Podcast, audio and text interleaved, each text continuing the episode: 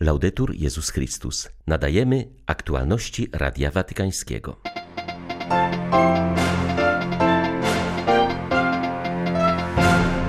Pandemiczny kryzys trzeba przemienić w szansę dla rozwoju, apeluje Franciszek do uczestników Globsek w Bratysławie. Po niedzielnym apelu papieża o pomoc dla mieszkańców regionu Tigray, Caritas aktywniej włącza się w walkę z katastrofą humanitarną. Formuła procesu synodalnego nie jest jeszcze w pełni ustalona. Jesteśmy otwarci na doświadczenia kościołów lokalnych, zapewnia sekretarz generalny Synodu Biskupów. 15 czerwca witają Państwa ksiądz Krzysztof Ołdakowski i Beata Zajączkowska. Zapraszamy na serwis informacyjny. Papież skierował przesłanie do uczestników 16. edycji Globsek Bratislava Forum, które odbywa się pod hasłem Zbudujmy lepszy świat niż był przedtem. Globsek to wiodące w Europie forum podejmujące debatę nad przyszłością świata i jego problemami. Spotkanie dotyczy kierunków rozwoju po okresie pandemii oraz podejmuje najważniejsze problemy społeczno-ekonomiczne, ekologiczne oraz polityczne, które pogłębiły się w związku z kryzysem sanitarnym. Nie wystarczy odbudować to, co było, ale należy poprawić to, co źle funkcjonowało przed nadejściem koronawirusa i co przyczyniło się do pogłębienia kryzysu. Ojciec Święty zwrócił uwagę, że kryzys otwiera nowe możliwości, stanowi wyzwanie do podjęcia w aktualnej sytuacji, aby przekształcić czas próby w czas wyboru. Franciszek zaznaczył, że kto nie podejmuje działania, marnuje szansę ofiarowaną przez kryzys. Aby podjąć działanie w obliczu niesprawiedliwości społecznych i marginalizacji, trzeba podążać drogą rozwoju, który stawia w centrum każdego człowieka i całego człowieka. Każde działanie potrzebuje wizji, wizji całościowej i pełnej nadziei, wizji podobnej do tej, jaką miał biblijny prorok Izajasz, który widział miecze zamienione w pługi, włócznie w sierpy. Działanie na rzecz rozwoju wszystkich jest podejmowaniem w praktyce dzieła nawrócenia, a przede wszystkim decyzji, które zamieniają śmierć w życie, broń w żywność. Ale my wszyscy powinniśmy podjąć również ekologiczne nawrócenie. Ogólna wizja zakłada bowiem perspektywę stworzenia rozumianego jako wspólnego domu i pilnie wzywa do podjęcia działań w celu jego ochrony. Drodzy przyjaciele, ożywieni nadzieją, która pochodzi od Boga, mam nadzieję, że Wasza wymiana w tych dniach przyczyni się do wypracowania modelu odnowy, zdolnego do tworzenia rozwiązań bardziej włączających oraz zrównoważonych, modelu rozwoju opartego na pokojowym współistnieniu ludów i harmonii ze stworzeniem.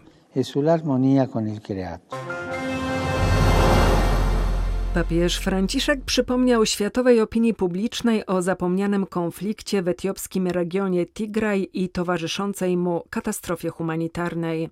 Od ponad pół roku trwa tam dramat ludzi uwikłanych w wojnę, której skutkiem jest wewnętrzna migracja oraz widmo głodu, wcześniej już mocno doskwierające tym terenom z powodu długotrwałej suszy. Na apel Ojca Świętego zareagowali zebrani w Wielkiej Brytanii przywódcy grupy G7, którzy zażądali natychmiastowego usunięcia przeszkód blokujących przepływ pomocy humanitarnej dla potrzebujących. Według źródeł ONZ 350 tysięcy mieszkańców regionu Tigray żyje w sytuacji głodu. Jak mówi Fabrizio Cavalletti, odpowiedzialny we włoskiej Caritas za pomoc dla Afryki, pilnie trzeba stawić czoło pogłębiającej się katastrofie humanitarnej. Caritas Akcja lokalnej Caritas zaczęła się zaraz po wybuchu kryzysu. Z punktu widzenia humanitarnego jest to program dość rozbudowany. Jest realizowany w regionie Tigra i w pobliskich regionach, gdzie przebywają uchodźcy wewnętrzni. Jest ich przynajmniej dwa miliony. Trudno jest zaspokoić wszystkie potrzeby, ale trzeba robić to, co jest możliwe. Caritas uczestniczy w tych działaniach, wspierając akcje humanitarne. Te działania są rozszerzane o inicjatywy w dziedzinie zdrowotnej, poprzez współpracę z Organizacją Lekarzy dla Afryki. Służy to integracji działań humanitarnych, podejmując zaangażowanie w dziedzinie opieki zdrowotnej, aby wesprzeć niektóre placówki, które zostały częściowo zniszczone lub uniemożliwiono im działanie z powodu kryzysu. Studentka medycyny, która opiekuje się starszym pacjentem, muzyk rockowy, który pomimo kpin rówieśników nosi na szyi krzyżyk, młody ksiądz, który przeżywa trudne chwile, to bohaterowie filmu prezentującego Międzynarodowy Kongres Eucharystyczny, który odbędzie się w Budapeszcie w dniach od 5 do 12 września. Historia trojga młodych ludzi opowiedziana w oficjalnym filmie dostępnym na YouTube kończy się ich przybyciem do katedry w Budapeszcie poświęconej świętemu Szczepanowi, pierwszemu królowi kraju, który w tysięcznym roku dokonał chrystianizacji Węgier. Oficjalny film został zaprezentowany przez kardynała Petera Erde. Przedstawił on również hymn kongresu. Jest to uaktualniona wersja pieśni napisanej na kongres eucharystyczny, który miał miejsce w Budapeszcie w 1938 roku. Odbywał się on w atmosferze napięcia i lęku przed zbliżającą się drugą wojną światową. Dlatego na hymny wybrano pieśń proszącą Boga o pokój i jedność między narodami. Kardynał Erde przedstawił także dwunastu ambasadorów kongresu. Są to znani muzycy, piosenkarze i poeci, którzy chcą być świadkami Eucharystii. Przez cztery minione lata Caritas Internationalis promowała na całym świecie kampanię Dzielmy z innymi podróż. Podsumowując dziś w Watykanie to wydarzenie, kardynał Luis Antonio Tagle stwierdził, że jego celem było stworzenie mostów nadziei między wyspami rozdzielonymi strachem.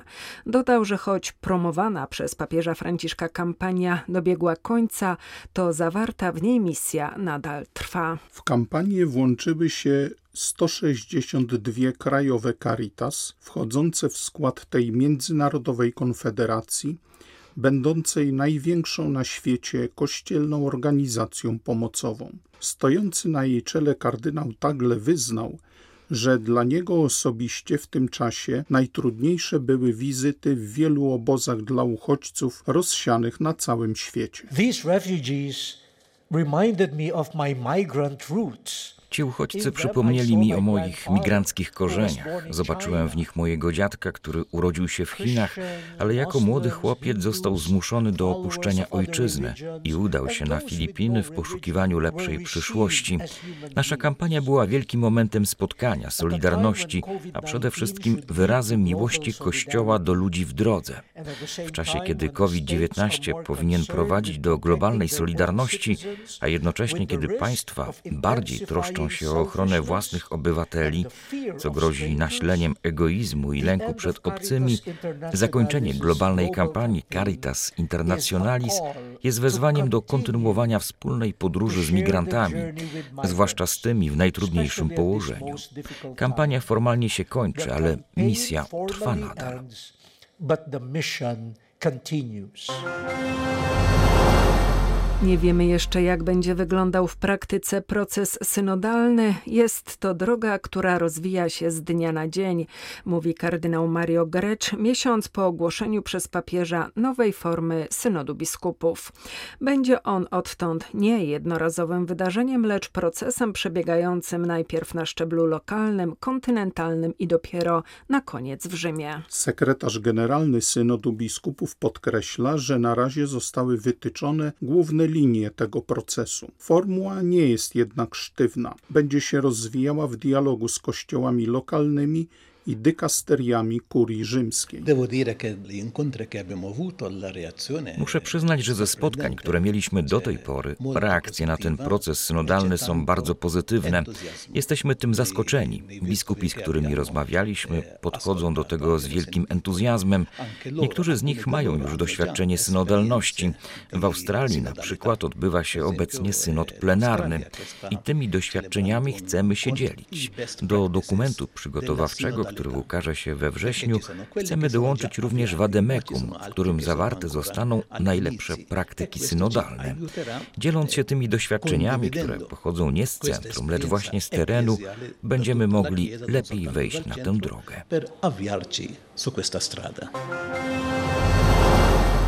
Franciszkowi zależy na promocji świeckich w różnych dziedzinach życia kościelnego i społecznego. Przykłada wielkie znaczenie do roli laikatu, starając się przezwyciężać klerykalizm i elitaryzm, które wciąż dają o sobie znać w wielu krajach świata.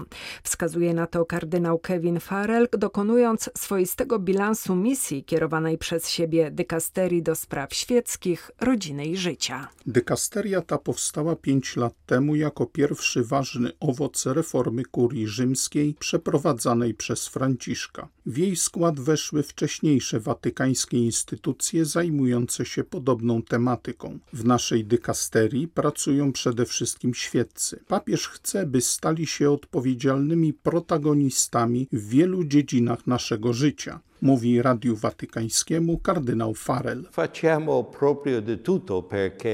Zajmujemy się wieloma rzeczami, ponieważ 99% Kościoła to osoby świeckie. Mamy obowiązek promocji świeckich w Kościele i wspierania ich w stawianiu czoła wielkim wyzwaniom, jakie napotykają w swoim życiu chrześcijańskim. Troszczymy się także o rodzinę i kwestie dotyczące małżeństwa. To bardzo ważny obszar naszych prac. Wiele uwagi poświęcamy przygotowaniu do małżeństwa i towarzyszeniu małżonkom, szczególnie w pierwszych latach po ślubie. Kolejny ważny obszar to życie i wszystko, co dotyczy kwestii etycznych i moralnych odnośnie do życia ludzkiego, od poczęcia do naturalnej śmierci.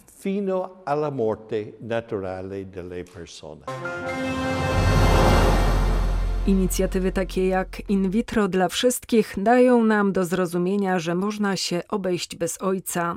Zarazem aktualny kryzys ojcostwa sprawia, że jako ojcowie nie mamy już oparcia we wzorcach światowych i pogańskich. W takiej sytuacji nie pozostaje nam nic innego, jak wsłuchać się w objawienie ojca i przyjąć świętego Józefa za swojego patrona.